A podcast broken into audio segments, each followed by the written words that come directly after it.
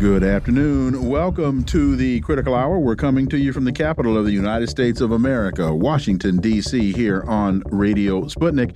I'm your host, political scientist, author, and nationally syndicated columnist, Dr. Wilmer Leon. I'm joined here by my co host, political analyst, Garland Nixon. Thank you, Wilmer. For the next two hours, we will explore and analyze the salient news stories that are impacting the global village in which we live.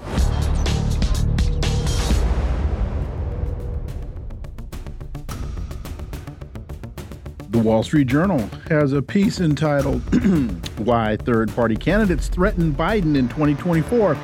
When voters are given options beyond Biden and Trump, the president tends to bleed the most support, and Joe Manchin could complicate things even further. For insight into this, let's turn to our first guest. He's an associate professor of economics at the University of Missouri Kansas City, former president of the National Economics Association, Dr. Linwood Tauheed. As always, sir, welcome back. Thank you, sir. So, the uh, Wall Street Journal reports that uh, President Biden and former President Trump, the likely contenders for the White House next year, are about evenly divided in polling. In a head to head race, many polls find an outright tie, with few voters undecided. But if voters are also offered the Green Party, the Libertarian Party, and the group of uh, no labels, which says it may run a bipartisan ticket, then Biden loses 10 percentage points to other options, while Trump loses seven. Dr. Tauheed, when you take surveys like these into account and then add the David Ignatius, David Axelrod, and George Will op eds calling for Biden not to run, it's a sad day in Mudville. Mighty Casey might strike out again. Uh, Dr. Linwood Tauheed.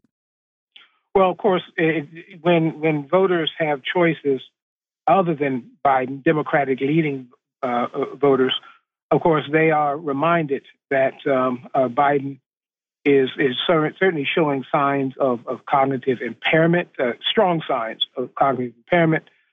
That he is uh, not uh, actually done very much, if any, of the things that he campaigned on. And if the only choice that Biden gives is that he's not Trump, then uh, then then he's in trouble because if there are other choices, then it's not just the choice between Biden and Trump.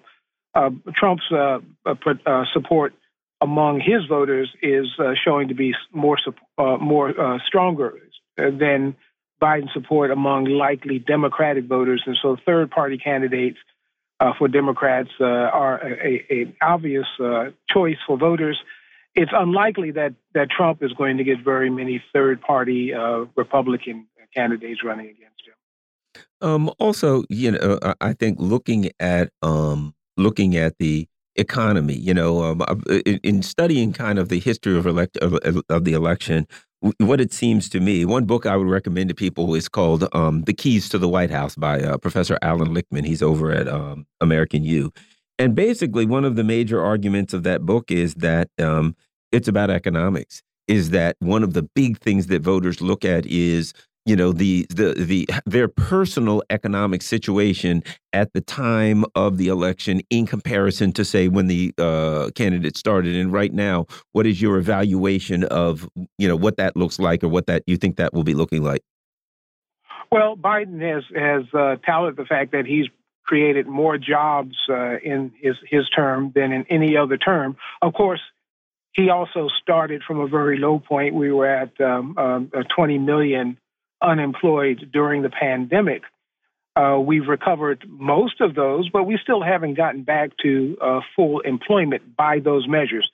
Forget what the uh, unemployment statistics shows because that uh, full employment is uh, lots of, of part-time jobs, and people are working part-time jobs. They're uh, they're employed by doing so, but they're not making the income that they need to make to deal with uh, their expenses, particularly in light of inflation.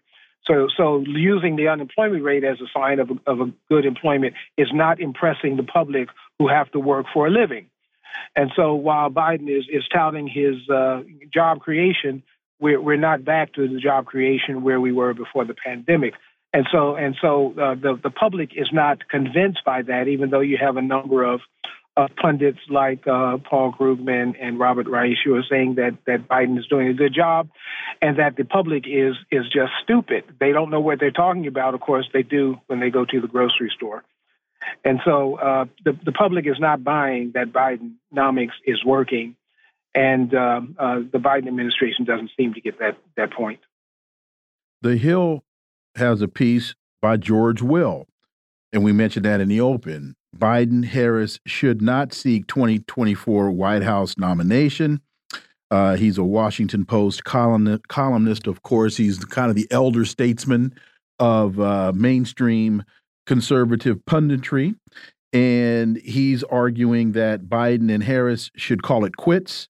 And one of the things that I found really amusing, the, some, you know, the Ignatius story and the Axelrod story, they, they really focus more on the president.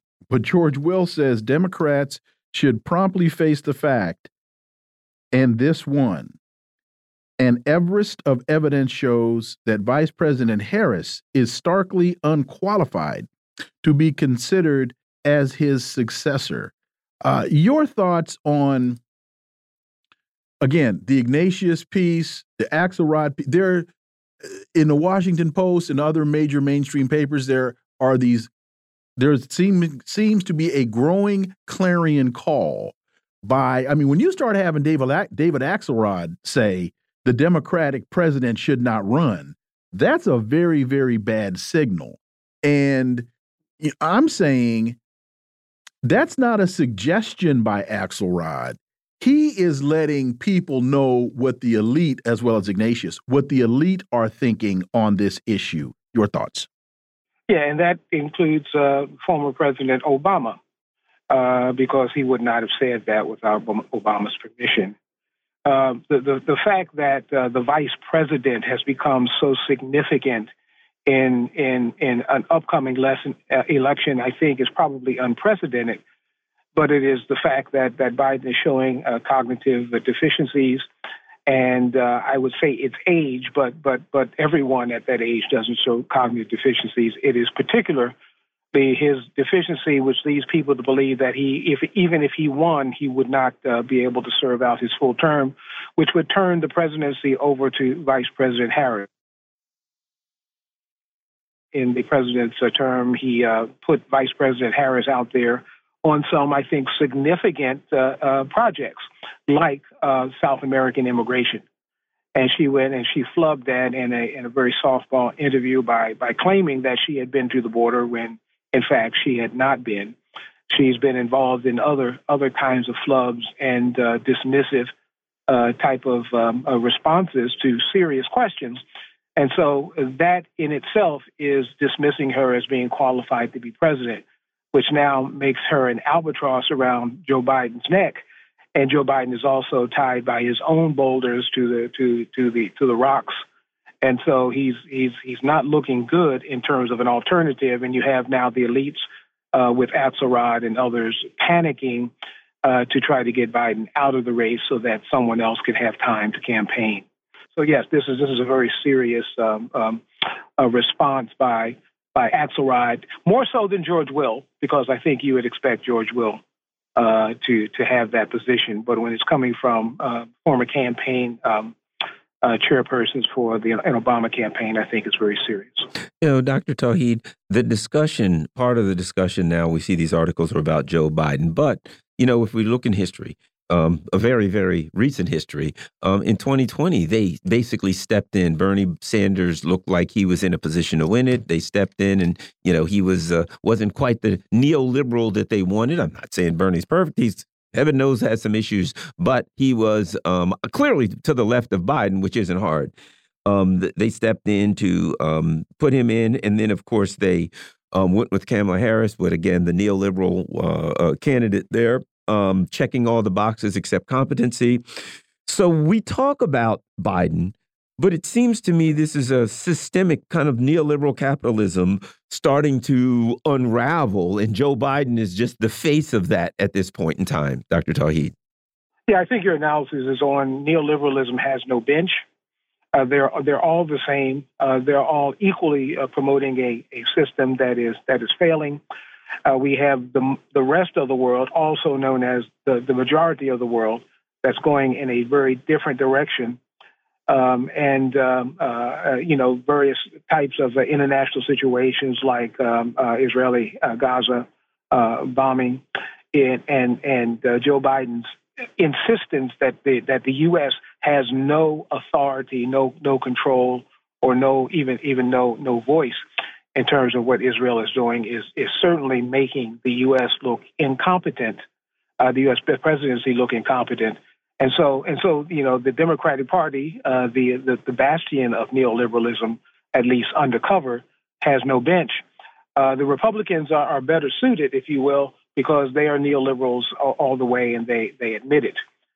And, and so there's there's a there's a, a, a measure of honesty coming from the Trump administration over over the corruptness of the government, because as he said, he he used it, as opposed to the neoliberals pretending that that, that everything is okay. The bench is weak, uh, it's non-existent, and people are knowing this. And so, how what what how does that project itself on the world stage as because as we know for years the world has turned to the american president has turned to the statements of the american president as kind of the guidepost for for the direction of the world. And now what we find is to your point it's a it's a neoliberal government. It doesn't matter which party you're talking about. And both of the contenders are tone deaf, out of touch, just um, kind of oblivious to this shift to a multipolar world. So, you know, looking at, for example, uh, President Xi is coming to San Francisco next week, and now they say that uh, he will meet for the third time with Biden.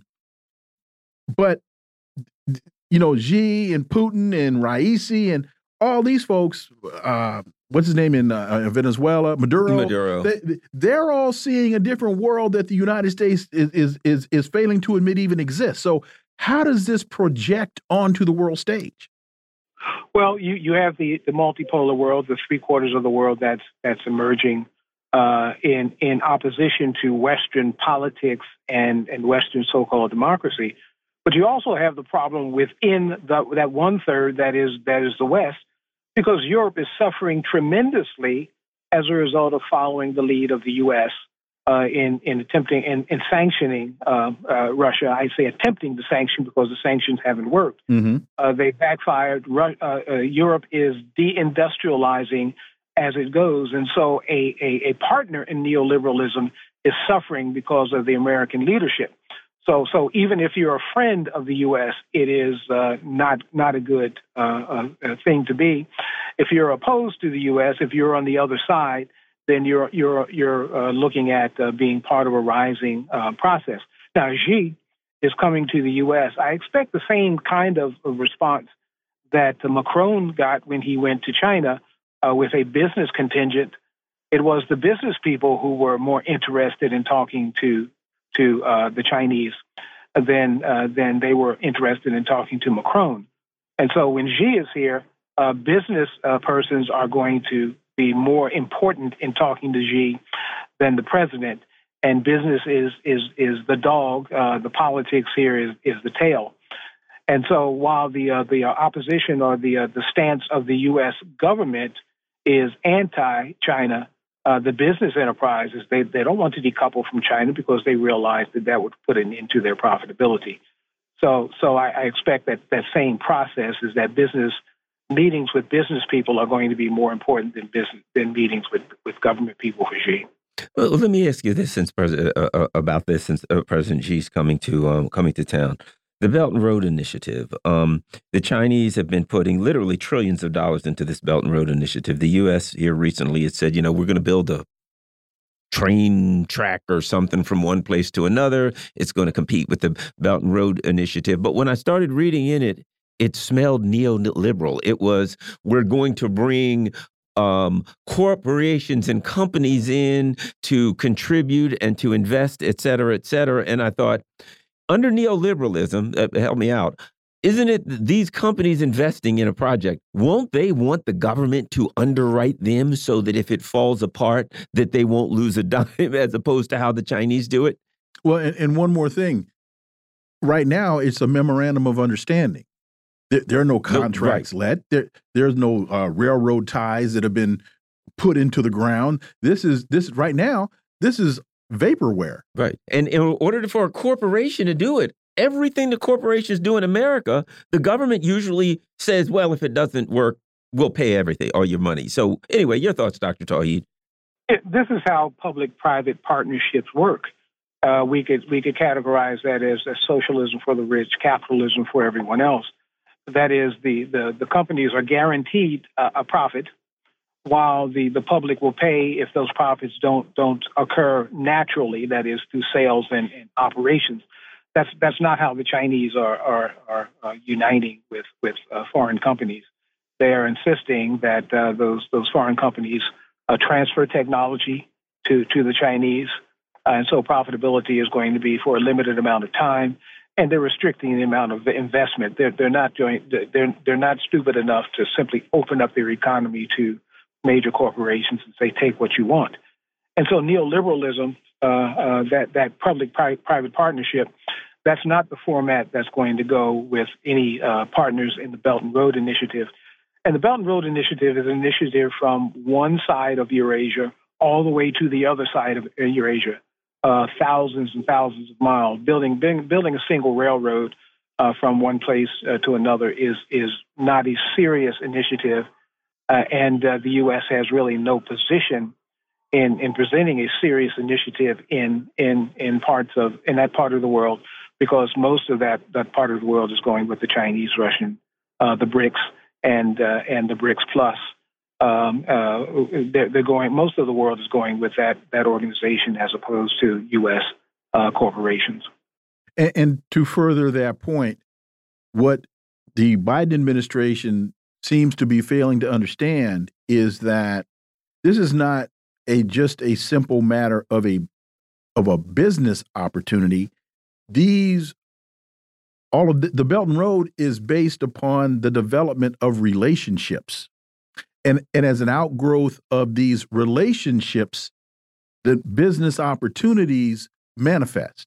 That is that it's not a matter of just going into Chad and saying, "Hey, we're going to build a railroad here, and uh, you know, bring in uh, Bechtel, and we're going to engineer this thing." And no, these relationships have been developed over time, and from these relationships, opportunities manifest themselves. Yes, what the, uh, ironically enough, the the Chinese are in, in engaging in a the, the capitalist ideology uh, in a way that the West has never done. I mean, by, by, by capitalist ideology, uh, even by classical economic ideology, trade is supposed to be beneficial for both parties. But that, but that depends on the, the most powerful party being willing to give up its benefit for the benefit of others. Uh, the U.S. has never been in that process. Whatever benefit that has come as a result of trade has all come to the West away from the rest of the world. Uh, the Chinese are engaged in a process of wanting to develop their partners because they understand if their partners do better, they do better, and their economy will grow. This is a this is a very it, it, this is this is not socialism. It is it is capitalism, but it is a capitalism based on a, a classical development model as opposed to a neoclassical development model. Um, and and so the, the Chinese are engaged in employing economic uh, uh, philosophy and, and planning in a way that they want to develop so-called underdeveloped countries to become stronger because they will be leading leading that process and they become stronger in the process. As we get out, China has what they call the win-win strategy. And I think when this was first articulated, a lot of folks just saw this as some trite uh, euphemism but it is actually a policy that China has developed not for immediate benefit, but for long term relationships and long term development, because China has a much longer view of history than the West. Uh, yes, uh, the the idea that, that, that trade and development can be a win-win strategy is is is lost on the West because that's not the way it has been practiced. It certainly is not being practiced today as the U.S. is deindustrializing Europe, and and European country companies are, are actually being enticed to come to the U.S. to move away from Europe. That's not win-win. Uh, the Chinese are, are engaged, as you said, in a longer-term strategy because they have uh, thousands of years of history to show that long-term strategies are better than short-term strategies. Western Western neo uh, capitalism is short-term. Chinese uh, uh capitalism is long-term. And not only is the United States deindustrializing its European allies, it's even engaging in acts of war, such as blowing up the Nord Stream pipelines, in order to do so. Yes, yes, absolutely, and that's not lost on on the relationships that that uh, should be building, and uh, those relationships on the West are collapsing. As you said, they are being built in, in the rest of the world, the majority of the world. Dr. Linwood Tauheed, as always, thank you so much for your time. Greatly, greatly appreciate that analysis. Have a wonderful weekend. We look forward to having you back. Thank you. You do the same. Folks, you're listening to the Critical Hour on Radio Sputnik. I'm Wilmer Leon. I'm joined here by my co host, Garland Nixon. There's more on the other side. Stay tuned.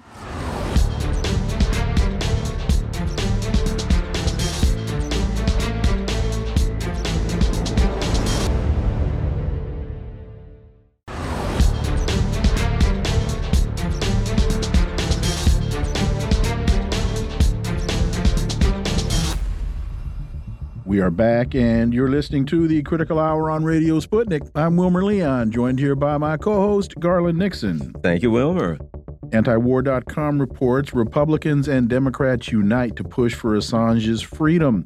16 members of Congress signed a letter to President Biden urging him to drop the case against the WikiLeaks founder.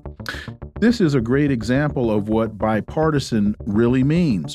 For insight, let's turn to our next guest. He's an independent journalist, political analyst, and reporter for RT, Caleb Maupin. As always, Caleb, welcome back. Sure thing.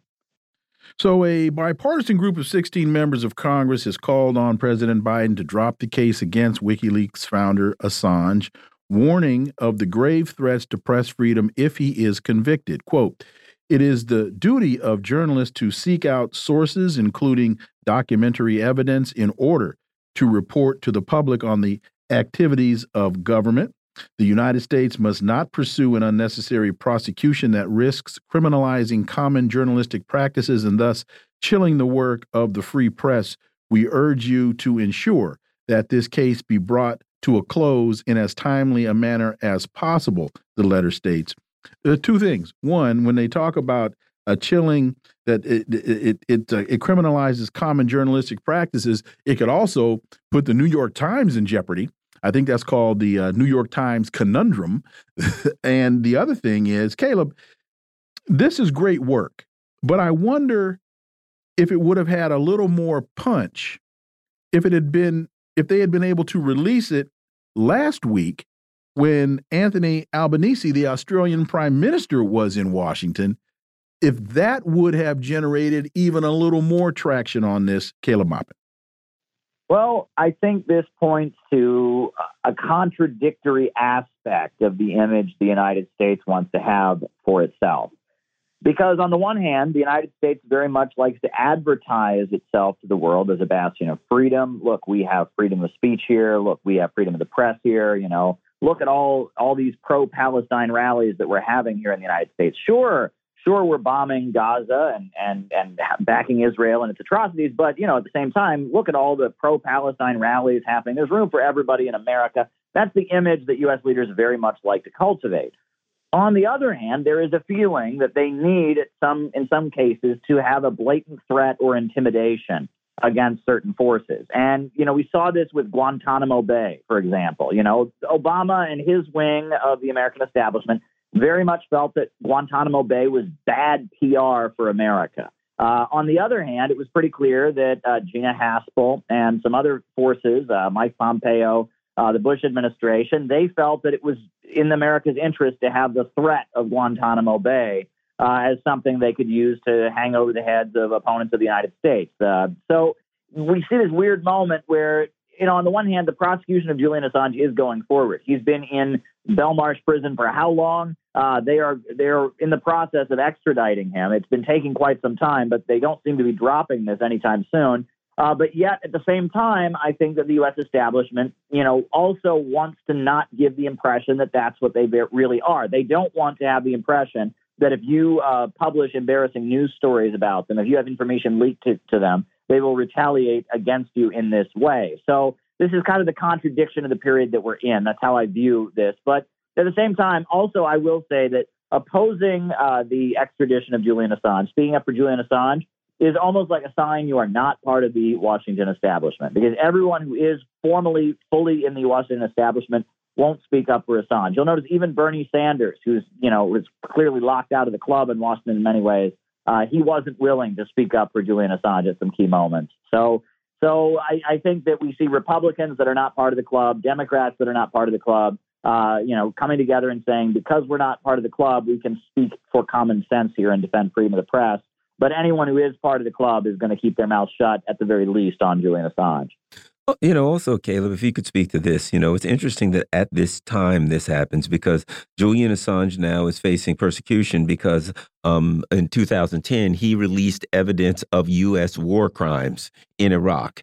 And now we're in a situation where what's going on with Gaza, everyone can see it. It's There's videos out, it's being actually reported in mainstream media. And this is what they're basically going after Assange for. Your thoughts? And, and what I have labeled this as, Caleb, is uh, Israel's acts in Gaza are they are bombing the world into reality. Caleb. Sure. I mean, Julian Assange made public war crimes that were committed by the United States in Iraq. He also made public many thousands of diplomatic cables showing uh, true intention. I mean, the, the revelations that came from WikiLeaks are, are almost too massive uh, to, to even get into. I mean, you know, I mean, for example, it was re- revealed that uh, during the bombing of Yugoslavia in 1999, uh, the USA attacked and destroyed the Chinese embassy in Yugoslavia. And at the time, they said it was a mistake, it was an error. Well, the diplomatic cables that were revealed by Julian Assange show that no, the Clinton administration intentionally targeted the Chinese embassy in Yugoslavia. And there are many other revelations that come through and were made public through WikiLeaks. And because of that, um, they want to retaliate against Julian Assange. They want to just say, look, if you embarrass us, if you show the world what we do, uh, we are going to punish you and we are going to break our own laws in order to do so. We're going to violate our own standards of freedom of speech and free expression. And that, that I, I have noticed that with mainstream media, they have created a, a situation where there is a widespread misconception about this case. You have many average people on the street that say, well, he did, you know, he, he leaked classified information. He, he leaked classified documents. No, Julian Assange is a publisher. He's not a U.S. citizen. He's not a U.S. government employee. Julian Assange, all he did was create a space where other people could leak it. And yes, if you work for the State Department, if you work for the Department of Homeland Security or the military, and you take top secret classified information and give it to somebody you're not supposed to give it to, that's a crime. That's not what Julian Assange did. What Julian Assange did was he simply created a platform for which other people could provide him information. And prosecuting him sets a dangerous precedent because at that point, uh, you know, uh, you know, if, if you can be prosecuted just for publishing something, uh, that's going to create a situation where, you know, if you get any information passed to you about what the government does, you basically have to ask the government's permission to to publish it. Uh, and you know, there's the Pentagon Papers. There's a whole history of, you know, whistleblowers giving information to the press and the press revealing government malpractice. And that comes to an end if Julian Assange is uh, is politically taken out and and is is prosecuted for this. And that's what's on on trial here. That's what's at stake. Let me share something with you. This is from CNN, and they go on to say the Biden administration has received stark warnings from American diplomats in the Arab world that its support for. they go on to say they're they're losing uh, uh, Arab publics for a generation, according to a diplomatic cable obtained by CNN. Then they go on later on to say another cable obtained by CNN from the American Embassy in Cairo relayed back. So you, see where I'm going with this. In the event that this is done and Julian Assange is, in, is Julian Assange is in jail. If a given president reads this CNN article, the uh, someone by the name of uh, Priscilla Alvarez and Alex Marquardt can be in the hoosgow before the sun goes down, and everybody at CNN that let this go through could, if if the particular president in in in power doesn't like it, could go to jail. That's what they're creating here. Caleb. Well, hence the New York Times conundrum in the fact that the New York Times published WikiLeaks information. So if you persecute Julian Assange, you have to prosecute the New York Times. And, and I think the idea is you shut down all of this stuff. Absolutely. Caleb. Sure. And that is the situation. And it, we really do have to acknowledge that we're in a period where there's a lot less secrecy and a lot less privacy than there used to be. With the means of communication the way they operate now, it is much easier for secrets to slip out and be made public. Um, and I think that that is just a reality that statesmen all throughout the world are going to have to deal with. Uh, the kind of op, uh, secret operations and covert operations that used to not make it to the front page, that the world used to never know about, are now available to the public. And if you really believe in democracy and if you really believe in transparency, that should be a good thing. We know what our leaders are doing much more than we used to. Uh, we have the ability to be aware of what they're really up to and uh, assess it as a democratic involved population and determine if it's if it's what we want and whether we want to vote for them or not if they really believe in democracy, if they really believe in free expression and freedom of the press, uh, if anything, uh, you know, the uh, transparency and availability of information and the increasing number of leaks uh, should be a step forward for democracy. However, uh, this is not the first time that we've been made aware of the fact that a lot of the democratic ideals and a lot of the rhetoric we hear in U.S. society is just uh, just bombast, right? And that's this is not the first example of that. I took constitutional law in law school, and we learned that the First Amendment of the Constitution is the First Amendment for a reason. And part of the First Amendment of the Constitution is supposed to protect the right of the people peaceably to assemble and to petition the government for a redress of grievances. If the United States is supposed to stand for what that amendment protects, then we have Congresswoman Rashida Tlaib being censured on the floor of Congress for speaking truth to power, for petitioning the government for a redress of grievances. Who better to do that than a sitting, duly elected member of Congress, and where better to do it than on the floor of Congress? The sense the censoring of her is a clear example of the hypocrisy that we now find ourselves battling on a daily basis. Well, indeed. And, you know, Garland Nixon uh, just read uh, how there's diplomatic cables that have been revealed showing that the Arab world is largely turning against the United States right now. So, if anything, I mean, I mean, I'm just thinking as someone from the perspective of the United States in this moment, isn't it good PR for the United States that at least at the same time that they're, you know, backing Israel to do all these horrible things, that there's a member of Congress who is herself a Muslim who's able to get up and, and say the opposite in on Capitol Hill?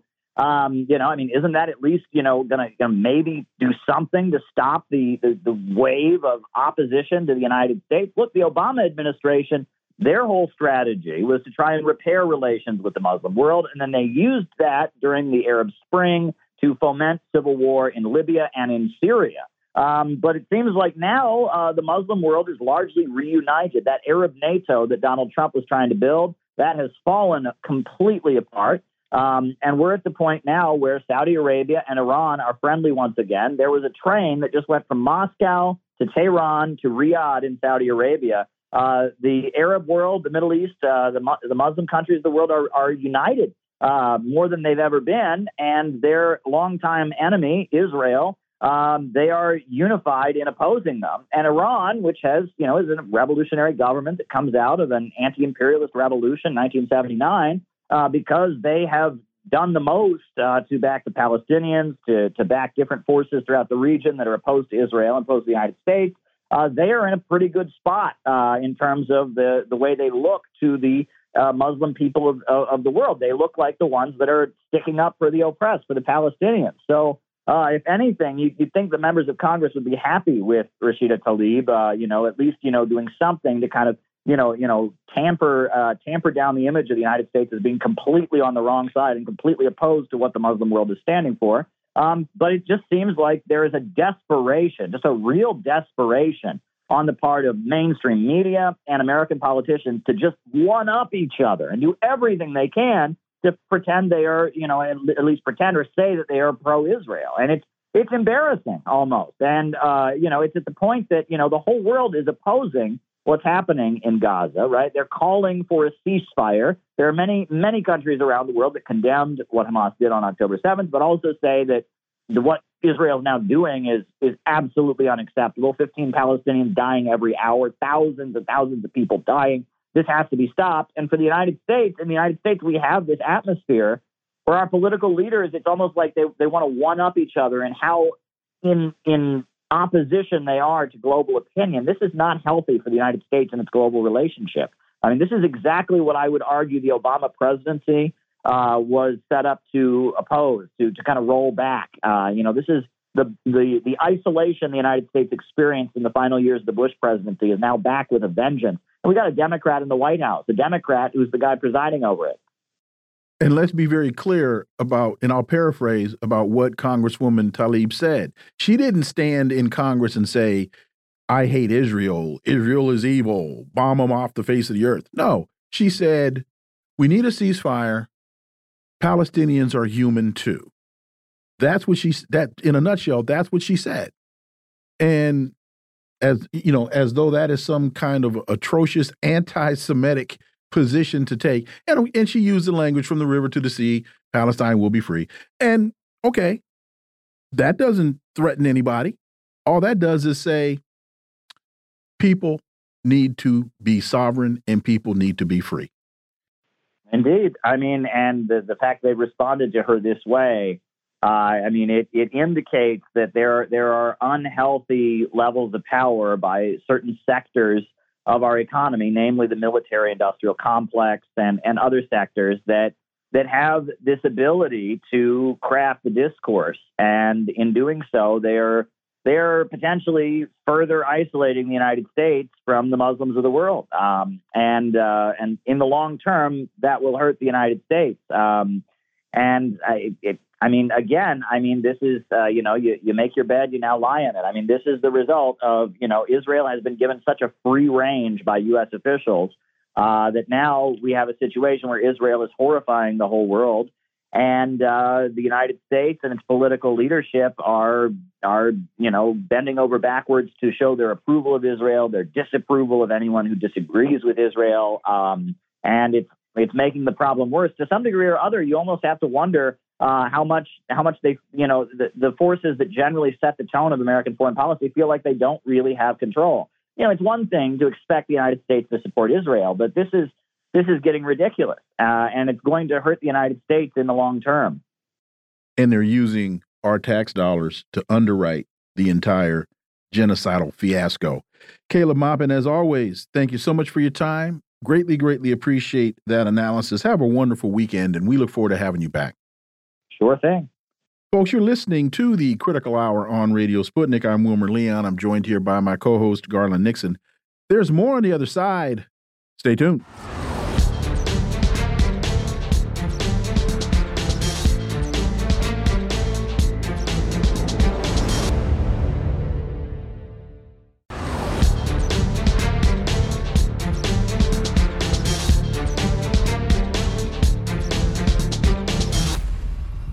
We are back, and you're listening to the Critical Hour on Radio Sputnik.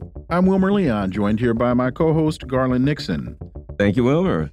Biden and Xi Jinping to meet in California. The Biden Xi bilateral will take place during the Asia Pacific Economic Cooperation APEC Summit, which the U.S. is hosting in San Francisco from November 11th through the 17th.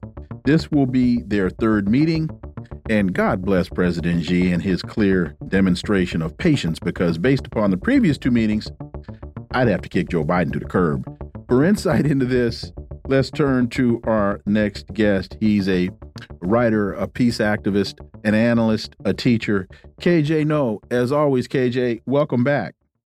Thank you. Pleasure to be with you. And this story uh, broke earlier today, and we had discussed this with you earlier in the week when it was still undetermined whether or not President Xi would actually A, come, and then B, meet with Biden. And now we have this development, uh, the news breaking today. Your thoughts, KJ Noh? Well, what's interesting is that the Chinese kept the U.S. on tenterhooks until the very, very last minute. And so I think that's a signal already in and of itself that they were still in the process of negotiating. And they certainly were not happy about U.S. moves. Remember, uh, Biden and Xi came to an agreement in Bali last year. We refer to this as the Bali Consensus in which that the U.S. agreed that it would not try and overthrow China, it would not wage Cold War, it would not escalate to hot war, it would not uh, wage economic war, and it would not uh, weaponize, militarize, and encourage Taiwan secession. Now, in four of those five uh, issues, the U.S. is continuing to cross red lines.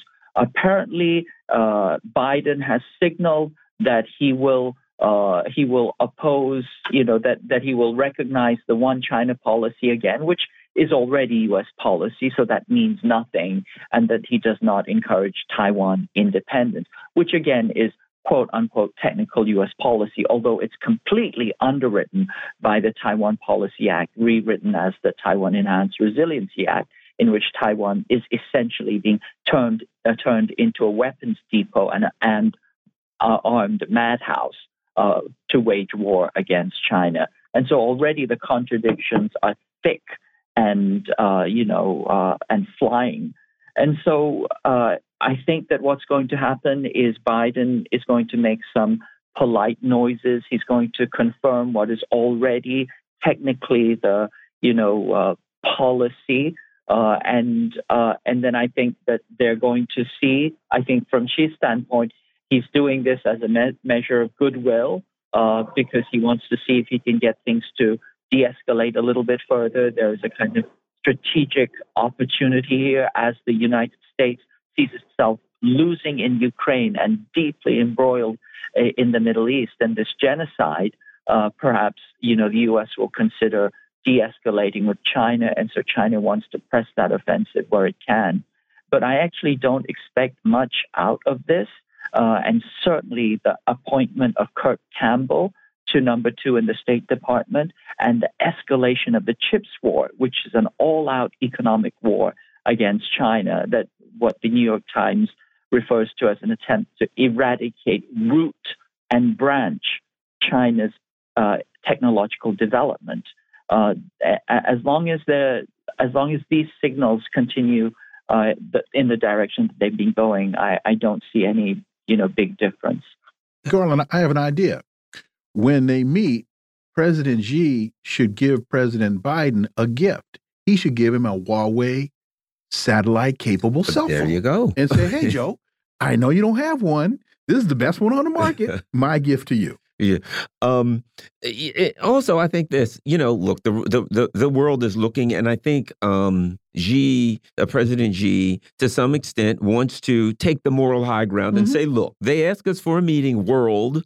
You've seen what they've did with Iran. You see what they're doing right now in the Middle East. You see what they've the Minsk agreements, on and on and on. No one trusts them, not just us. But I think you have to take the moral high ground to demonstrate to the rest of the world that you're doing everything you can to bring a peaceful resolution, and then kind of walk away. Because let's face it, the U.S. is crumbling. I mean, absolutely, the U.S. empire empire empire is crumbling. You don't have to destroy it. You just kind of got to sit there and watch it burn. He's saying to the world, "Don't blame me." Yeah, I tried. In, in, in spite of all of the BS, I'm still sitting here for more of it.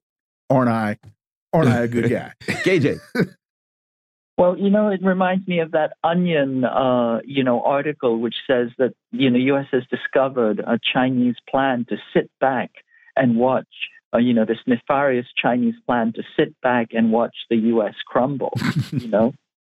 And I think, you know, this could be more of that. Certainly, you know, uh, China and Xi Jinping are taking the moral high ground. They're showing, you know, graciousness in attending and meeting uh, in the sidelines in San Francisco. I think there's another small dimension to this, which is worth noting, is that APEC was originally started by, you know, the the West as a way of enforcing this neoliberal Washington consensus globalization all over the planet, but in particular in the Asia Pacific.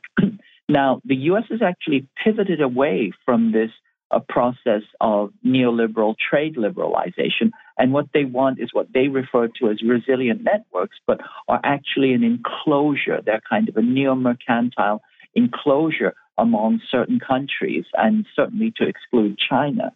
And essentially, they want to turn this APEC uh, forum into an IPEF forum, that is the Indo-Pacific Economic, uh, you know, strategy uh, of enclosure.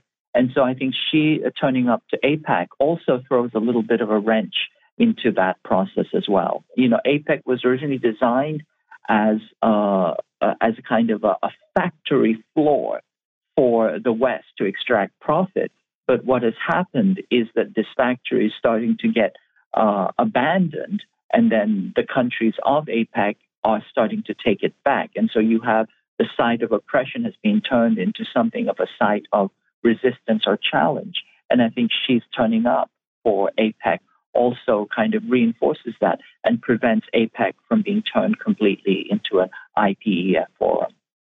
Shifting the conversation to the Middle East, uh, AlMayadeen.net has a piece U.S. can't help Israel defeat Hezbollah. And this is from Scott Ritter. And uh, Scott Ritter says that Netanyahu desperately seeks to get the United States involved in a multi front war. That uh, he explained that Netanyahu is the only person who wants the Northern Front to open with Lebanon in order to draw the U.S. into the war his government is leading on Gaza because he realizes that his forces are not up to the task. They can't defeat Hamas and Hezbollah at the same time. And I would just add to what Scott has said, it seems as though the that uh, to a certain degree Netanyahu is already successful as the United States does have troops there, does have hardware there, as in a, uh, a um, Oregon class sub uh, nuclear powered submarine. The USS uh, Ford is in the Mediterranean, and American generals are directly engaged in assisting Israel in this genocide. Your thoughts, KJ? No. Yeah, so it's very clear that U.S. is uh, clearly uh, embroiled in this genocide, and you know this is both partly political strategy, but also uh, the you know the circumstantial events as well. But you're absolutely correct. You know, Israel can't defeat Hamas and Hezbollah, uh, but at the same time, uh, you know, the U.S. does not want to get fully involved in a multi-front war, at least not yet. I mean let's think about this. Uh, the U.S. currently, if I'm not mistaken, has about 40,000 troops in the Middle East. If it were, for example, to engage with Iran, Iran is four times larger than Iraq. Uh, the U.S. Uh, cannot engage with Iran. And so this is why we see these strategic weapons, these nuclear uh, submarines being uh, brought into theater. Now, remember, uh, uh, you know, a submarine like the Ohio class submarine has about uh, 2,000, the equivalent of 2,000 Hiroshima bombs uh, that it carries. It has that explosive capacity. So either 154 nuclear Tomahawk missiles or 20 nuclear ballistic missiles. We don't know exactly what it's carrying, but it has a potential to be carrying that. It's essentially, you know, a subsurface sub uh, submarine Death Star. And so by bringing that into theater along with the aircraft carrier, it's sending a very, very strong message uh, to Iran uh, that this war could go nuclear. That is to say that U.S. cannot currently wage a conventional war and win it. And so now the threat is that this could go completely and totally nuclear. And that is very, very dangerous. But once again, it speaks to both the desperation uh, of the neocon class in Washington uh, and the madness of Netanyahu in trying to, you know, escalate this uh, to the greatest degree possible. Let me ask you this. I'm just going to throw something out at you and get your response. The last couple of, the last year or so, the U.S. has been saying China has been in Xinjiang has been involved in a genocide against the Muslims. That the U.S. is standing up for the Muslims, even though there are more Muslims in genocide in, in, in Xinjiang than there were before. So China apparently is not real good at genocide because there's more of them than there were before. But your thoughts on that and where we are now, KJ? Well, I think it's such a striking example of the sheer mendacity of the propaganda that the U.S. has been spewing out against China. This was an imaginary genocide where the population doubled uh, and the people, the Uyghurs, were exempt from the one China policy. I mean, it was essentially, they were referring to a policy of economic development uh, as, as a genocide, if, if that makes any sense. And at the same time that it was postulating this imaginary genocide, when you have a real genocide happening before your eyes, that is to say, 11,000 people killed most recently, hundreds of thousands of buildings destroyed, you know, over 4,000 children, you know, slaughtered, and they pretend that this is not happening and that this is some kind of some sort of self-defense action, speaks to the utter bankruptcy and absurdity of the propaganda line that is being coming out of Washington. And that contrast is simply, I think, it's the foundationally delegitimating, uh, you know, event that shows how utterly, morally, and factually bankrupt uh, the MSM has been in its uh, uh, coverage of China. You you mentioned that the United States has sent the carrier group in, and they've sent the submarine in as a way to threaten uh, Hezbollah and to threaten uh, Hamas. President Putin says to Joe Biden, Why are you doing this? You're not scaring anybody. These people don't scare. So, you, your thoughts to Putin's response, and I think a very valid question, and an, uh, these folks are struggling for their freedom, and they understand the price of freedom isn't free. And they are very clear on how far they are willing to go for that freedom. And so, I, your thoughts? Yeah, absolutely. I mean, this is all this this notion of sumud or steadfastness among the Palestinians and other Arab uh, countries. I mean, I think this is very, very profound. They're saying that we will not be subjugated, and you can destroy us, but you will not destroy our cause. And, you know, there's nowhere we can go to. We are standing our ground because this is our land, you know. And so this notion that you can have, you know, kind of, uh, you know, fly by night troops go in there and scare them, uh, you know, with weapons and even nuclear weapons, I don't think that's going to work. Uh, I think the only thing that can happen if this escalation ladder continues to go up uh, is nuclear annihilation, not just of the Middle East, but of the entire planet, because we're looking at, you know, multiple nuclear powers uh, at this point. But, uh, you know, I see in, uh, you know, for example, among the statements of uh, Syed Hassan Nasrallah that there is a real attempt to manage the escalation. You know, there's some ambiguous statements, but they're very controlled and they're trying to manage this escalation. And I think it's certainly Israel, uh, which is you know doing this madman strategy, and the U.S., which is enabling it. You know, for some reason, I don't think the whole madman part is actually a strategy. uh, you know, I don't think they're acting crazy at this point. I think we've got such extremists in there that um, this is just the, the, their ideology. And and also as as we get out, here's you know mutual annihilation. The wind does blow, in that part of the world. So you send a nuclear device into Gaza, the wind does blow. Uh, you, are basically polluting the entire region. We got one minute, KJ. Absolutely right. And here's the thing once you let that nuclear genie uh, out of the bottle, there's no putting it back in. We're looking at multiple, you know, nuclear uh, armed uh, states involved. And then remember, Iran, China, and Russia are the spine of the multipolar world. The U.S. cannot wage war against Iran without making a complete and total world war. That would be catastrophic. KJ Noh, as always, thank you so much for your time. Greatly, greatly appreciate it. We look forward to having you back. Thank you so much. And you and you know, Garland, there's a there's a reason I believe why Iran, uh, uh, beyond the religious issue, doesn't have a nuclear program. They don't need one. Right. They will be able to send enough weaponry into Israel to where whether it's nuclear or whether it's ballistic, doesn't matter. They're going to be able to handle that business. And I think they understand exactly what KJ was saying is, and that is, if you that nuclear genie comes out of the bottle, they're going to start going in all directions, and it ain't going to matter at that point. Folks, you are listening to the Critical Hour on Radio Sputnik. I'm Wilmer Leon. I'm joined here by my co-host Garland Nixon. There's another hour on the other side. Stay tuned.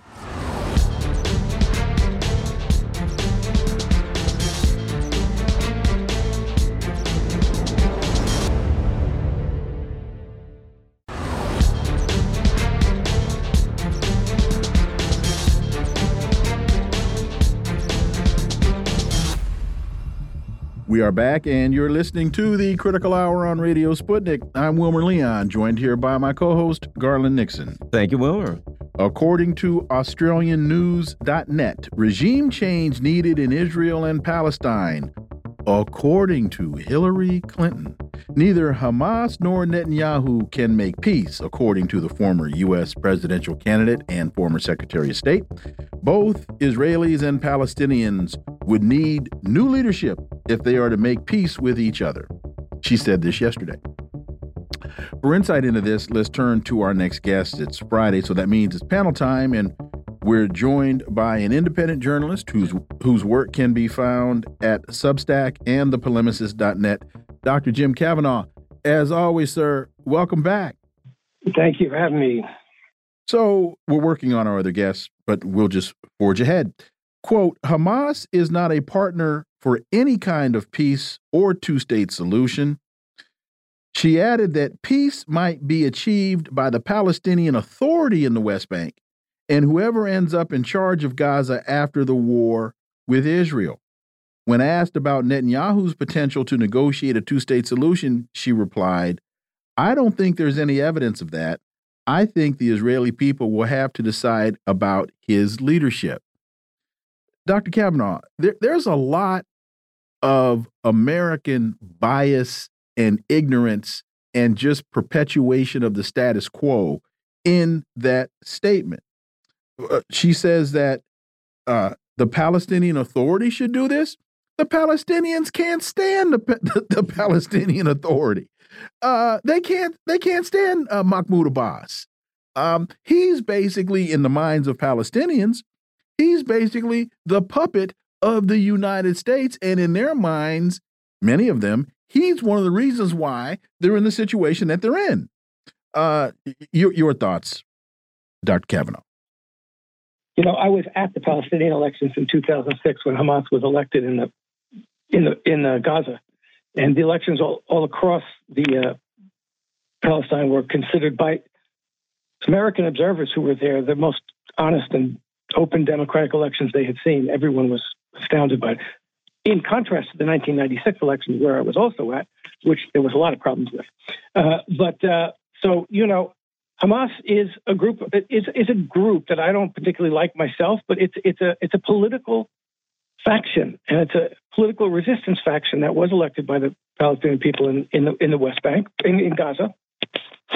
Fatah was uh, the PA was elected in the West Bank, Fatah, but as you say, everybody recognizes what the role of the Palestinian Authority has been since Oslo, and it's been to be the policeman for Israel. It's a quisling government for Israel, and people hate it for that reason. And uh, first of all, the Israelis don't really want Palestinian Authority taking over Gaza. This is not an issue. Again, you say all the presumptions of Clinton's discourse here. Oh, both sides are preventing a two-state solution. You know, it, it, it, that's not even true. In fact, the, the, the uh, uh, Palestinians had effectively accepted it, uh, and it's quite clear from all the documentation, if you look at it, that Netanyahu and the Israelis, every not just Netanyahu, not just Netanyahu. Uh, Edward, uh, you know, if you ask the Israelis, they'll tell you that. Listen to Gordon, Gordon uh, Gideon Levy. You know, they really don't want a, a two-state solution. They would uh, they'd allow a, a Bantustan solution, but no Israeli government is going to uh, accept a really independent, vibrant Palestinian state, especially not in the land of the West Bank and Gaza Strip. They want the Palestinians to be either gone or subjugated and that's what they're doing right now. So that's all nonsense, and everybody knows it. And you know, Netanyahu is you know particularly uh, uh, explicit about it, but that's the that's that's the position of the. This is a this is a movement of Jewish supremacism from the from the river to the sea, which is what the Israeli human rights group B'Tselem calls it, the Jewish supremacist regime from the uh, uh, from the river to the sea. That's their their language. It's apartheid. That's their language. And they're never going to accept a situation where uh, their desire for that supremacism from the river to the sea is restricted in any serious way. So this is the problem we have, and that's what's going to take to uh, uh, to to solve it. Is going to be the political solution, which recognizes and accepts the Palestinian people as equals on the territory from the river to the sea. And Zionism does not allow that to happen. Whether it's Netanyahu or Barak or anybody else, uh, they want the Palestinians to be a subjugate. They're just not as important a people, and they can't be held as as as an important people, as as similar as an equally important people within a Jewish supremacist regime. So that's the problem, and it's going to keep going on. Hamas is a product both directly by funding of, of Netanyahu and the Israeli government, and also indirectly by the fact that you know the leader of Hamas, the guy who who uh, founded Hamas was a child in 1948 who watched his parents be killed by Zionist troops. And what the Israelis are doing now are creating 100,000 new, whatever the, whatever the resistance organization is called, fighters, resistance fighters against Zionism. That's what they're doing now. And they know it. That's why their only solution to this is to get rid of them and get them out of the place, which is what they're trying to do. We're also joined by the host of AM Wake Up and Slow News Day. You can watch it live on Rokfin and Rumble and listen anywhere podcasts are served. Steve Poikin And Steve, welcome. And a couple of things, you know, one, uh, Jim was talking about a two, mentioning the two state solution. And for me, as a political scientist, I'm glad that that that Jim mentioned Bantustan because that's really what Israel is vying for because a two state solution implies sovereignty. And part of sovereignty is the ability to defend oneself in a defined geographic space. But when you hear the uh, Israeli government talk about a two state solution, they always say that they, as the state of Israel, must have military superiority. So as soon as you start injecting that language into the conversation, you are not looking for a two state solution. You're looking for a one state solution with a Bantustan. Steve Poikonen. Oh, without question, Wilmer, and, and anyone in the Western political elite or the Western political establishment is going to echo this when people like Hillary Clinton are openly advocating for regime change, but still pushing the decades old song and dance about a two state solution. It is only and always in the context of Israel as still the occupying colonial or quasi colonial power, and the Palestinians being a subjugated, uh, you know, a second class colonial state or or just you know client state um, that's not anything that anyone trying to look at this realistically is going to to see as any sort of a solution. In fact, if we're not uh, ready to have serious conversations about the end of the Israeli occupation in Palestine and a a sort of I don't know vast dispersal of that particular terrorist network, then, then we can't have this conversation realistically at all. Uh, Sputnik International reports 16 Democratic and Republican members of U.S. Congress have called for U.S. President Joe Biden to withdraw the extradition request by the United States against Australian journalist and WikiLeaks founder Julian Assange. You know, Assange, what's interesting about this is they bring up the obvious issue of press freedom, but Assange was, in fact, um, is being persecuted for releasing information demonstrating that the U.S. was involved in what? War crimes. And I find it interesting that at this time now, with what's going on in Gaza, that um, this letter would come out. But I think it's very important. Your thoughts on it, Jim Kavanagh? I was very glad to see this. You know, we can't forget about this. I'm glad we're talking about it. I'm glad these Congress people have put their names to it, and they were from all over the map, from AOC to Marjorie, Marjorie Taylor Greene to Ron Rand Paul. And these are people who are whatever other, differences they have, and they're huge differences I have with all of them. Uh, you know, recognize that this is an important issue of press freedom, and this is the worst uh, example of the uh, uh attack on press freedom and on the ability of journalists to tell us what's going on in the world. And it should be prevented, should be stopped. And they're asking the government to stop it, which they can do. They're asking the government to, go back to the position that the American government took. Uh, credit to Obama for not being stupid enough to do this and, and, and for saying, no, we're not going to uh, uh, prosecute Assange because of the what he called the New York Times uh, precedent with that.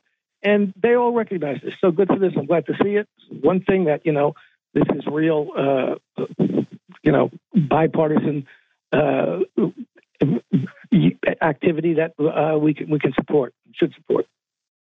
You know, Steve, it, to to uh, to Jim's point, is great that 16 bipartisan members signed this letter. There are 47 members of the Congressional Black Caucus.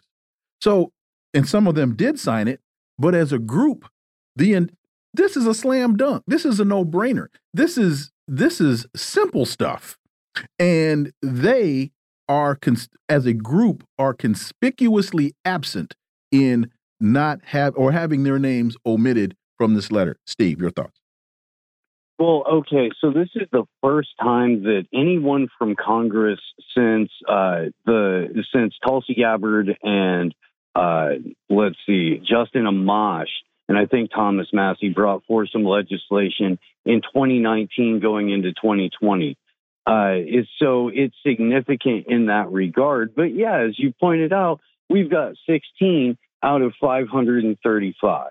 We've got just a couple out of a 47 member Black Caucus that this should be uh, an absolute no brainer for, or however many are in the Progressive Caucus, or however many are in the Freedom Caucus for that matter, because I'm pretty sure that free speech and freedom are analogous in situations when it at least benefits the members of the Freedom Caucus, some of whom who have been very happy to throw Julian Assange's name around when it benefits them politically. Heck, we even elected a guy president who said that he loved the WikiLeaks and then proceeded to turn around and have that guy thrown in jail where he sits to this day in Belmarsh prison in you know uh, maximum security in the Guantanamo Bay of the United Kingdom.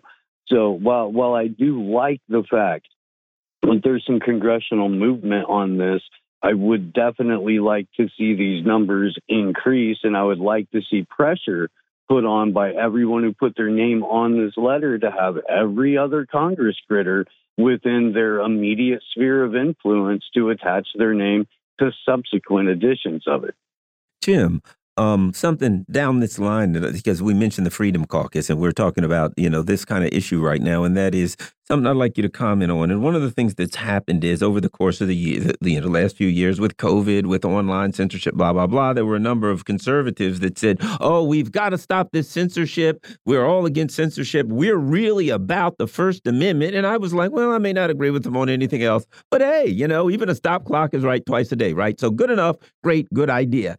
And now that this thing happens in the Middle East, they have reversed course. It was purely self centering. And now the same people who were supposedly against all the censorship or censorship and supposedly against everything woke is now oh, we've got to have uh, safe spaces on colleges, and uh, no one's allowed to voice a peep against uh, anything against the Israeli conflict or the or the uh, neocon position on it. Your thoughts on that, Jim? And they will go so far as to censure a member of a Congress member, oh, who exercises her right of free speech, the right to petition the government for grievances.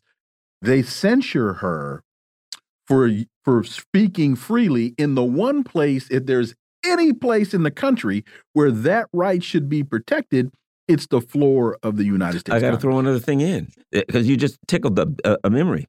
And they were the ones that when RFK Jr. and uh, what's his name, Matt Taibbi, were coming before Congress, they the, and and the Democrats went after him, which I disagree. They shouldn't have went after him. Said, "Oh, this is terrible. How dare you go after people?" They made the point that you're making right now, and now they've 180. Jim Kavanagh. They got it from me, Jim Kavanagh.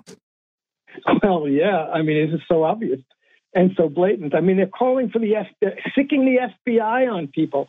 FBI should be investigating all these campus groups, Jewish Voice for Peace, you know, and they're uh, uh calling for, of course, you know, we, we knew this because they already had these, you know, anti BDS laws in place in the various red, not just the red states, but it, you know, the red state governors and, and all of the free speech people were all, all behind, uh, you know, not allowing uh, government workers to have jobs or get, your government or, gov- or businesses to get government contracts if they didn't sign loyalty oaths to Israel.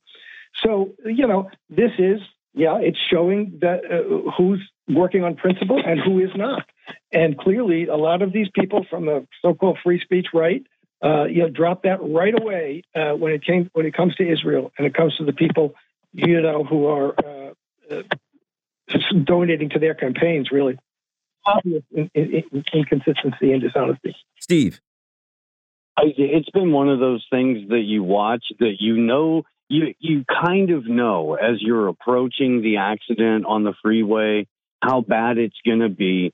And in this case especially with something as vital as free speech it, there's clearly a semi multiple motorcycles and a number of other vehicles involved. So you know you're going to see something disappointing. But when you get up there it, it's still it, it's still tragic to watch, and that's the uh, exact way it feels every time one of these clowns gets up there to perform, where they legitimately convince enough people that they mean what they say to get them to go through the consent ritual every two years to send them back to Congress to where at most what if we're we're splitting evenly between parties eight on each side out of 435, and I don't think it balances out that way, but let's, you know, for the sake of argument, eight out of 435 on each party, 535 on each party, are willing to take the bold and brave stance of putting their name on a piece of paper one time.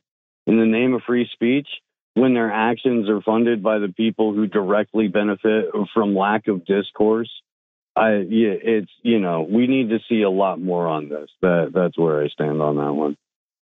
The Boston Herald, Trump thumps Biden in swing states. New 2024 poll shows, and let's also add to that, the Wall Street Journal has a piece why third party candidates threaten Biden in 2024 when voters are given options beyond Biden and Trump. The president tends to bleed the most support and Joe Manchin could complicate things even further. Dr. Jim Kavanagh. Joe Manchin, my gosh, we got another one coming in. now we have Jill Stein coming up, for, coming out for the on the Green Party. You know, challenging Cornel, who's running on I don't know what party. But uh, uh so you know, but this issue, the, the news for Biden is really bad, and uh, there's no longer the argument we need Joe Biden because we have to defeat Trump, and he's going to defeat Trump because clearly he's not going to defeat Trump. He's going to lose to Trump, and that's what the evidence is showing. Of course, it's only a, it's still a year out. Of course, anything can happen. And what's going to happen is that Joe Biden will not be the nominee, and they'll figure some way out uh, of getting him off the ticket.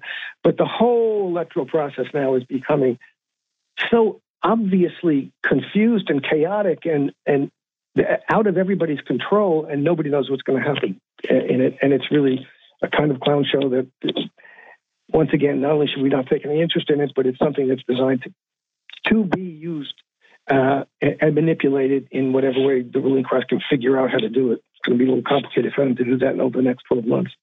You know, Steve, uh, to Jim's point about the confusion in the the confusion and convolution in the process, one for me, one of the major contributing factors to the confusion and convolution is the fact that the Democrats won't allow a primary. And so the confusion is you got a guy that we're sitting here right now looking at this running, and, and most of us say he won't be there at the end of the game, but they won't allow a free and fair game to be played. So for me, that's one of and and Jim, if if if I'm if I'm missing other elements, I mean, I know the Trump trial stuff and all that. I got that. That's going to work itself out one way or the other. Um, the the process is going to play itself out. But the fact that the Democrats will not allow democracy to function in what they are claiming to be a democratic process, small d, for me, is a major factor contributing to this confusion and convolution. Steve Poikonen. Well, of course, but it's not, it's never been in the interest of either major party to run a free or fair process. We've just been exposed to how extensive the the corruption is over the last decade or so. I really back in, in 2000 when we learned about the electronic voting machines. But going forward, thanks to the internet and thanks to good investigative journalism, we've been able to get a real bird's eye view on just how rotten to the core the electoral process is. And any candidate who's picking up traction as a third party, uh, you know, on a third party ticket is going to be subjected to some of the worst campaign chicanery that we've seen since, well, I guess since Jill Stein got handcuffed to a chair when she was trying to do, trying to, to go to a debate. Um, interesting that Jill Stein has thrown her hat in on this one. The whole thing with Cornel West itself is pretty interesting. Uh, but uh, yeah, the Republicans' primary or best candidate is facing nearly 100 charges. I'm sure most of that'll go away, but he's got to run against a zombie. They're going to replace the zombie with somebody significantly more handsome. It's going to open the door to a possible third party uh, serious wrench, uh, you know, in the gears. Um, but yeah, it, they can't they can't have Trump. The Democrats can't have Trump, and the Democrats can't have Biden. So the Democrats are in a whole world of hurt. A new bombshell report reveals government censorship was worse than you thought. What's interesting about this, Jim, is that the uh, machinations that they use to get around the First Amendment, it is obvious that is evidence of intent. The fact of the matter was the federal government knew they couldn't do things, so they basically said to a college, "Hey, you know, why don't you create this thing that you can uh, use for censorship, and uh, you know, we'll fund it." But we didn't see a thing. Uh, your thoughts, Jim? Well, yeah, this is a bombshell, like you know, the Pope's a Catholic. Uh, we knew all this, really. You know, uh, well, I guess what, what what's important that Jordan is putting out, Jim Jordan is putting out on this, is that this election integrity project and the and the Stanford, uh, in, uh, you know, the Stanford participation were generated or suggested by the government, by CISA, by the Cyber Security and Infrastructure Security Agency. So I think the point he's trying to make here is that we're now showing that this was the government behind this censorship. It wasn't just private organizations. But we knew all of this was going on. And, uh, you know, uh, we knew the FBI was sending thousands of uh, Excel spreadsheets every week to the uh, to Twitter, and that you know the government was colluding with various private and tech and social media organizations to censor people. Period. There's nothing I mean, the fact that this isn't a, understood as the huge, incredibly important story it is, and is the worst example of McCarthyism, worse than McCarthy, then it is really what's amazing about it. And the liberals still don't understand it. Uh, Steve, your, your your your thoughts on this? Well, the liberals don't understand it because they're being paid not to understand it because it's their turn not to, just as 20 years ago when it was people, you know, more traditionally liberal or people on the left protesting the Iraq war. It was the conservatives' job to get paid to not understand why they were dissenting and, and to pretend like it was a good idea to silence anyone who was going to accurately report on the Iraq war or cover anyone who had anything other than a pro war perspective. The, the pendulum swinging on it, and currently, or at least over the last several years, it has been more traditionally conservative voices that have felt the brunt of the censorship. But as uh, you know, Garland and Wilmer were pointing out earlier, it's those conservative commentators, those conservative members of Congress who are calling for the most censorship when it comes to any discussion about what's happening in occupied Palestine, uh, you know, that's being done by this Zionist terrorist entity. So the the hypocrisy is running rampant, but at the core of it, we've got a government that colludes openly, directly with all of these tech companies to determine what is and isn't allowable speech for its citizens, and that's tyranny. You know, Wilmer, uh, one of the things that I find interesting is the Orwellian doublespeak here. The election Integrity Project is specifically created to um, compromise the integrity of the election. That, you know, these things that they do here, they use one term. We see the DHS doing this. We see the FBI, meanwhile, oh, yeah, Hunter Biden, yeah, that's Russian uh, disinformation. The words disinformation, misinformation, any suffix that they or prefix they can put before the word information, and they use those things to perpetrate misinformation. And Dr. Jim Kavanagh, why is this a bombshell report? Because when this is a dud. When when I read what they're what, what Jim Jordan is is is saying here, my my response is, yeah, duh. It's called COINTELPRO. It's called the Counter Intelligence Program that the FBI implemented in the late 50s in order to counter the civil rights movement. So what's new in all of this? We are lulled into believing that somehow we, the people, were able to get our arms around the uh, the unconstitutional activities being imposed upon us by our own Federal Bureau of Investigation, only to find out we're we we got our arms around a sponge. I mean, it it my, Look, Jim all, Jordan, so what? And if all that doesn't work, they'll just shoot him. I've been down that road before. Been there, done that. Uh, so why why is this a bombshell, uh, Dr. Jim Kavanagh? Well, I, I, was saying, yeah, even the context of the last couple of years, this is Pope is a Catholic bombshell. You know, uh, uh, Mike Matt Taibbi and other people have been reporting on this exact thing for for at least two years. But I will say this: look, uh, you know, COINTELPRO, MKUltra, these were real programs. They were programs of subversion, of, of you know, planting spies in organizations and disrupting organizations, et cetera, as well as propaganda.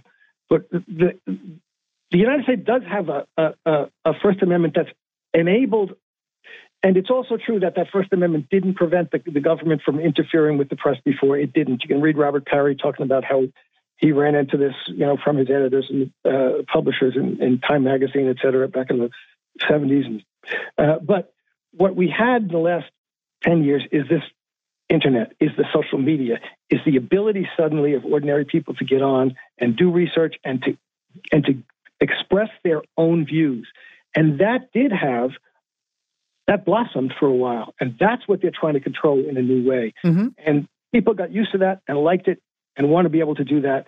And that's something that they're that, that people are PO'd that the government's trying to shut them up because now this is really not.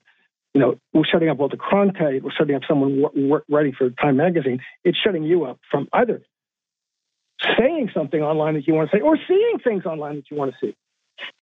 Steve, we've got about two minutes, and, and Jim is absolutely right. But the common denominator through all of that, people trying to A, get the government to live up to the precepts of its founding documents, and B, holding the government accountable when it doesn't. At whether whether it's people doing it through through Twitter and research on Google, or whether it's Walter Cronkite reporting on it. At the end of the day, that's what it's all about. And the government is doing everything in its power to prevent that from happening. Well, yes, and ultimately, what the government is doing is disclosing that they're that they are big tech. That there is no big tech without the government. That there is no daylight on social media between what between what's trending, what the narrative is, what you're allowed to say, and what someone in uh, you know some bureaucratic office in Washington D.C. has decided is reality for that day. So it is absolutely vital that we continue to have these conversations that we pointed out and that we talk to each other about it in three dimensional space because our ability to do it on social media gets smaller and smaller and smaller every day. You know, I, I'm saying this, uh, uh, Wilmer. The fact that this is not a bombshell shows how much things have crumbled here, how aware people are Absolutely. that this system is no longer a viable democracy, if we've, it ever was. We've a we have abdicated our responsibilities as citizens, and and b we have just been lulled into a sense of complacency that this is what we're supposed to expect. Steve Poikin and Dr. Jim Kavanagh, gentlemen, thank you both so much for your time. We greatly, greatly appreciate your analysis. Have wonderful weekends, and we look forward to having you guys back. Thank you, gentlemen. Thank you. Folks, you're listening to the Critical Hour here on Radio Sputnik. I'm Wilmer Leon. I'm joined here by my co host, Garland Nixon. There's more on the other side. Stay tuned.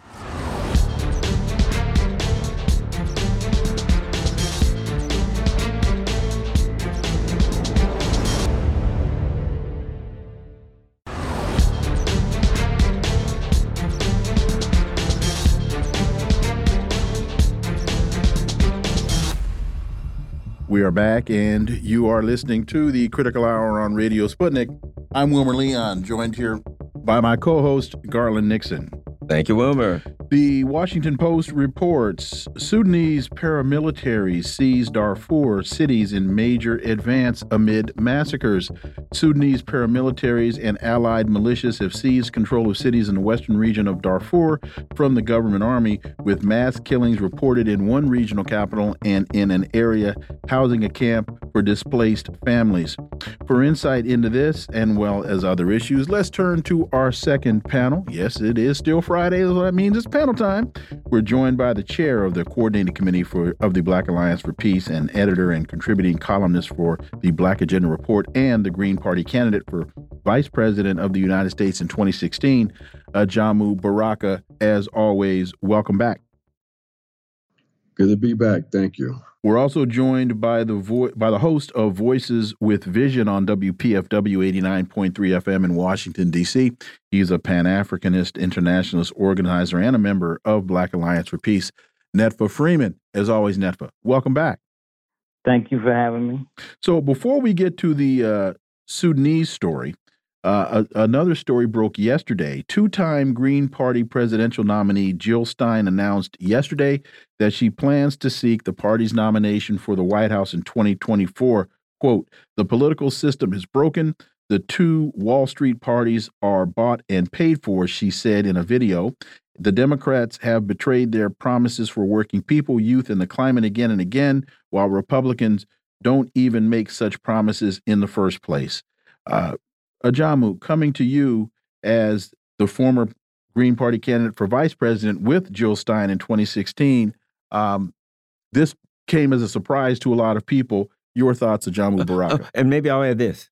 And maybe you got something to tell us also there, Ajamu. Just throwing it out there. Oh, hey, that's a great idea. Let's break some. Hey, Ajamu, let's get break band, some news. Get let's the band back news. together. Only only thing I have to say is to to comment on Jill's run. uh, I think that I think that is it's a um, I think it's a positive development for a number of reasons. One, we we have to continue to uh, challenge this duopoly uh, and the the narrow narrow character of the politics as a consequence of that.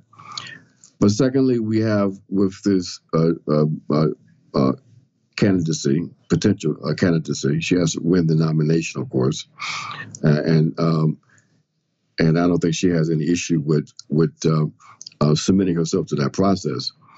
uh, that the the Green Party has the apparatus to actually get uh, Jill on the ballot in these various states, which means that it is now a issue of real power and potentially a real threat to the to the Democrats, even more so than the Robert F. Kennedy uh, independent run, because it's quite clear that Robert F. Kennedy's politics, his positions on issues like Palestine uh, and other issues, um, are not the kinds of positions that people are taking very seriously.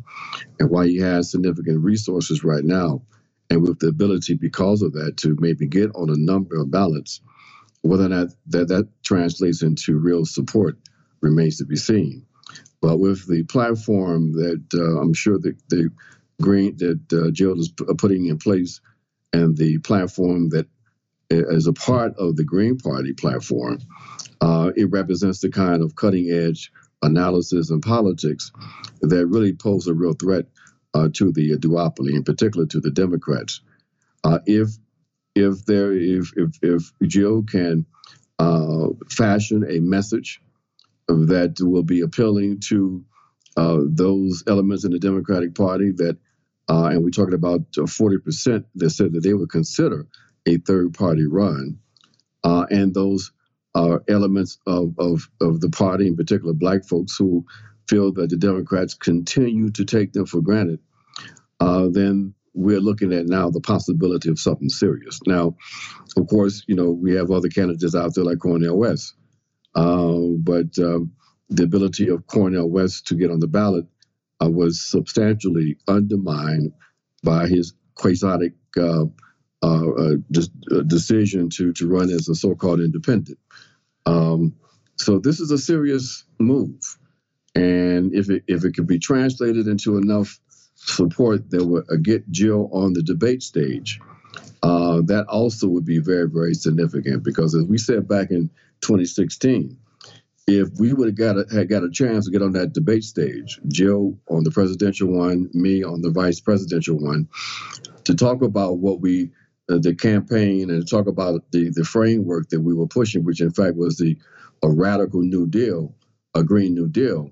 Uh, we we we could have made some inroads. We saw what happened when um, uh, AOC took elements of our program, stripped it down, um, and and and pushed it out, and we saw the response from the public. So this is something very significant, and I, I think it's something that will bode well for those forces in the U.S uh, that see the absolute necessity for expanding democratic space as that space is being constrained and constricted primarily by the neoliberal uh, Democrats that are the cutting edge of fascism in the U.S. today. Before we come to you, Netfa, uh, Jamal, I have one more question. And if you can answer this without uh, uh violating any confidences, when uh, Dr. West was not was running for the Green Party nomination, was there discussion of a uh, Cornel West Jill Stein ticket?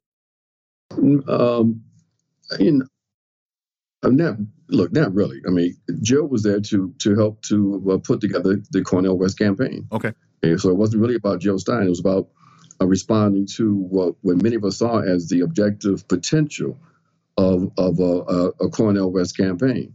And so she was very much um, committed to that. So, no, that wasn't really a serious conversation. The conversation was about how do we structure a campaign that will reflect the seriousness of the moment uh, and, and take advantage of what we saw as a, a possibility, a, a, plurality possibility, a pathway to uh, to that victory, a significant run uh, by a third party candidate. But unfortunately, that you know, I'm not, I don't want to completely dis, dismiss the, the West campaign. I mean, West is a, is a, is a serious brother, mm-hmm. a good brother, uh, but he made a, a, a, he made a tremendously uh, catastrophic uh, decision when he decided to go on this mission he's on now. Uh, your thoughts, Netfa Freeman, uh, two-time Green Party presidential nominee Jill Stein has announced that she plans to seek the party's nomination for the White House in 2024. Your thoughts, Netfa Freeman. Well, I hadn't actually. This the I hadn't been keeping up, so I didn't really know about it until you just said it. So, but I mean, I, I, I have to. I mean, I agree with. with I mean, I take Brother Jamu's um, understanding and and and prowess or whatever you want to call it, uh, under you know, political analysis on this seriously. I, I respect him as a good political analyst and understanding that the arena of electoral politics for us, if it's to serve as an electoral arena, that most mostly has the, the power at this point, at this stage in our development of of weakening the duopoly, and that has to happen. So anything that with Jill can bring to that, and they they certainly did bring that both the both the Jamo and Jill Stein back in when they ran together was giving people an alternative uh, analysis and even some hope and another you know all things to something to to support in, a, in their in the electoral arena, and that's that's needed because lot our people in there. So I don't, you know, so I, I think it's good, and if and if to the extent that um um that she can bring that, I think it's a positive thing, and that's all. That's you know, if if I could, um, Ajamu, one more thing, and that is looking at some of the numbers. You know, Wilmer and I have been covering these latest polls all week. These polls that have been coming out recently, and the give showing Donald Trump getting 22% of the black vote, a significant number of the um, uh, uh, Latino vote. Looking at that, and uh, my interpretation is it's not that they love Trump, but as we say in the voting community, any port in a storm. Joe Biden is so bad right now, you know, they'd vote for, you know, uh, I don't know, toe rot before they'd vote for him. This seems to me like an opportunity for someone to say, give the black community actual um, policies that they can see would be in their best interest, as opposed to just you know I'll vote for anybody who'll come in there with a with an axe and start swinging it. And and, and to that point, with providing viable policies, then how do you get beyond the fallback, which is oh yeah, she sounds great, but she can't win. Well, that and that that's that's that's really an issue. I mean, it, the, the whole pragmatism issue that you have to deal with when you when you run as a uh, outside of the uh, duopoly. Uh, but it, clearly, there's something happening in the electorate that people are not understanding. Uh, they they don't understand the appeal that a, a, Trump um, has for Latinos and for even for Black folks. They don't understand why is it that Trump appears to be in the lead in a number of the swing states.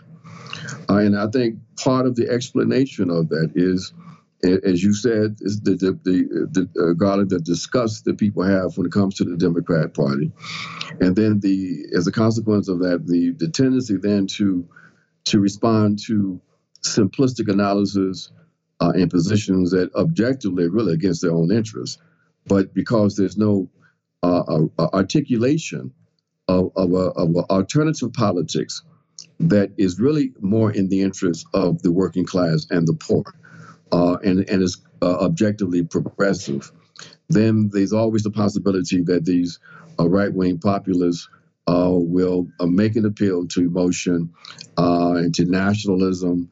There's a lot of anti immigrant elements there with this appeal for Donald Trump and they can uh, they can uh, make significant inroads. But a Jill Stein candidacy uh, that will bring some sharp in politics, and along with the, the issues that West is still raising, is is, is going to help to raise the level of discourse we think in, in this country. It, uh, before we come to you, Netfa, uh, Ajamu, this question just popped into my head. Again, you and Jill Stein ran in 2016 what are two or three lessons learned as uh, that that that she can bring into 2024 in terms of the campaign success and failure? What are a couple of the things the lessons learned that that a, a jill stein 2024 run uh, will benefit from having ran in, or run in 2016 the absolute necessity for your for your ground game and to uh, early on uh, build the the apparatus in such a way where you're able to uh, to to contest uh, in the black communities, in the Latino communities. Uh, that means you have to have an apparatus that has uh, organizers there that that can uh, do that work, or you have to have the ability to bring people into the apparatus. And, and again, this is the, the, great disappointment that many of us had with some of the positions that that Cornel West took in trying to explain why he decided to uh, to run outside of the Green Party. He said he made comments like, "Well, people know me, but they don't know the Green Party." What the hell does that mean? That's absolutely objectively true. But the point is, you had an apparatus, you had an army, and the, the and the responsibility of a progressive candidate is to expand that apparatus, to build that structure. If you're not talking about building structures of opposition, then what the hell are you doing? Well, wait a minute. Wait, wait a minute, Ajamu. How many how many ballots were you and Jill on in 2016? How many state ballots were you all on in in in in, in 20 in 2016? 44. Oh, and how many states are there plus the District of Columbia in the country? 50? Yeah. So, so it was a significant run and and the Democrats moved on that, and that's why they they uh, they they they they aggressively attempted to keep Howie Hawkins off the ballots in in 2020, and were fairly successful. But they still managed to get on uh, something like 35, 36 states because the, the Green Party has the experience to do this. It's a very complicated process. You got to have a an army of people. You got to have the knowledge of the of those uh, uh, uh, procedures and regulations state by state. The notion that you're going to build an apparatus out of thin air uh, and and be able to uh, get on these ballots across the country, it, we all know it's not it's not it's not realistic. You know, so unless you got a whole lot of money, then you buy your way on the ballot, like what the uh, no no logo whatever that thing is. they're going to spend seventy million dollars.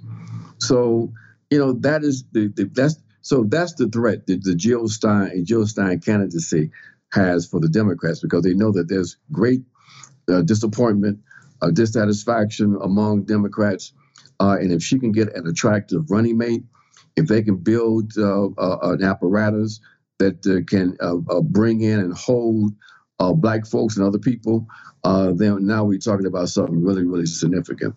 And Netfa, you you you're an international organizer. And and so can you speak to some of the dynamics involved in organizing a run of this nature? Well, I, no, I, I probably can't. I mean, uh, well, it, in terms of this, the electoral politics, it's not really uh, my wheelhouse in terms of experience and, in, in dealing with it uh, and being aside from voting myself.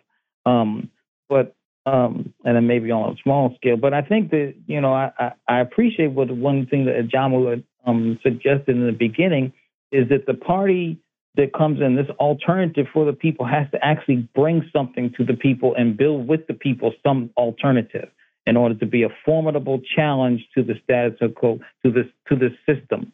And so if, if, if you're only coming around when the election comes around and you don't try to build the capacity and build with the people because the party has to be one of the people. If we look at the international the um, revolutions, uh, so to speak, um, around the world, the popular governments, the popular governments that have instilled participatory democracy and whatnot, the people are involved in that revolution. You can't really separate the people from the party when they start talking about, oh, we're going to sanction members of this party. They're talking about sanctioning the people in some of these countries. You know, that's really what they talk about, and they know it.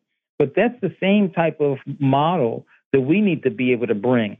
That the party is so popular with the people that it's inseparable. It's not something uh, just representing the people, like you, the, the the the candidates and the um the people in positions are going in and just you know, pulling a lever and, and doing what the, I mean, uh, casting a, a vote in Congress or whatever according to what they believe the people think.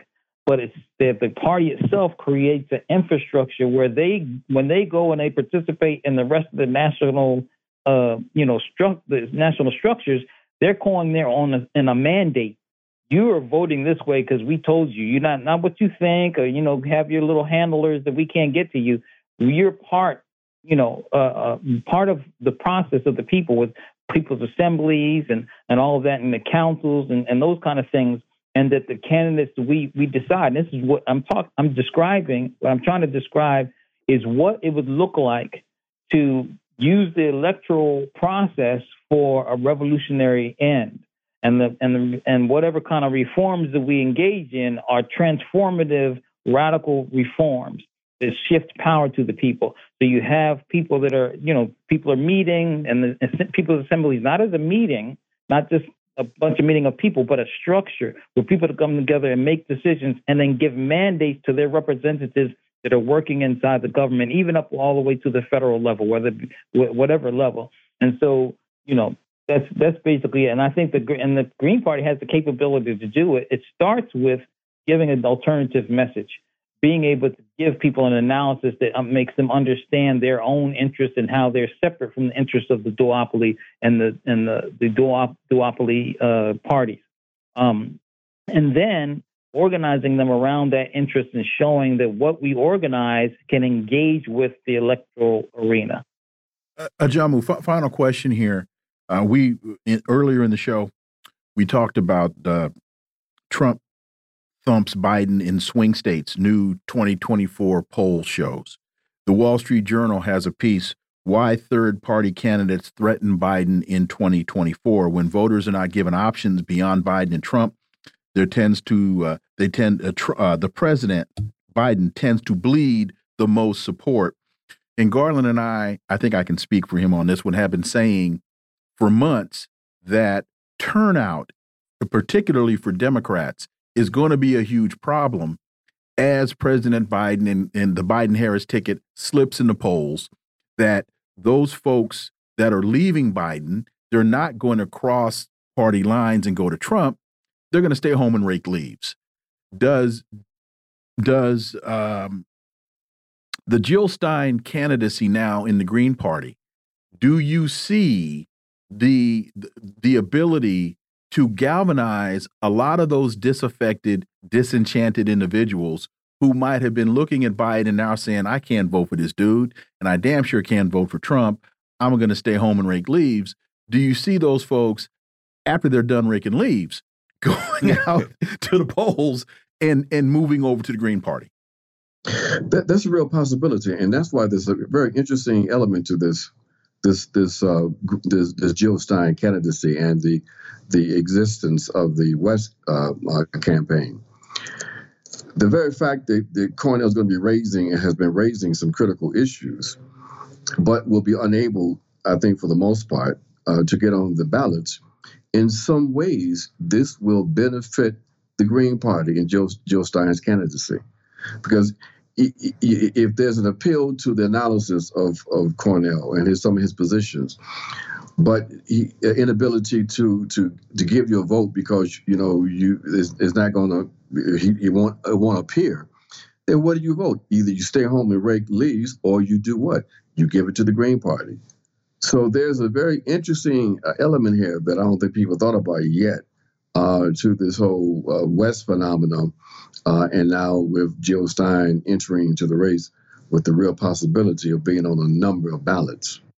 And in uh, Netfa, as a grassroots organizer, and we don't have to take this at the presidential level, we can take this at the local grassroots level when you're when you're in the, when you're in the community and you're talking to the disenfranchised, when you're talking to the disconnected, and they look at you and say, "Yeah, brother, I hear what you're saying, man, but man, this is a waste of my time."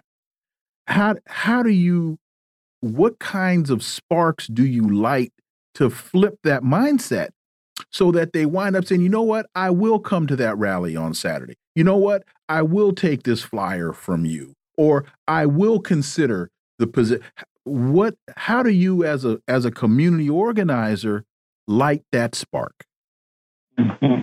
Oh that's a good question it is a kind of a case by case basis depending on who you're talking to. Of course. The general thing and the issue that you're championing. Right. The, i think one is to to expose people to or try to um, turn around what is really a defeatist nature a defeatist thing and to say that we have, and the only way we can really win is if we involved with it.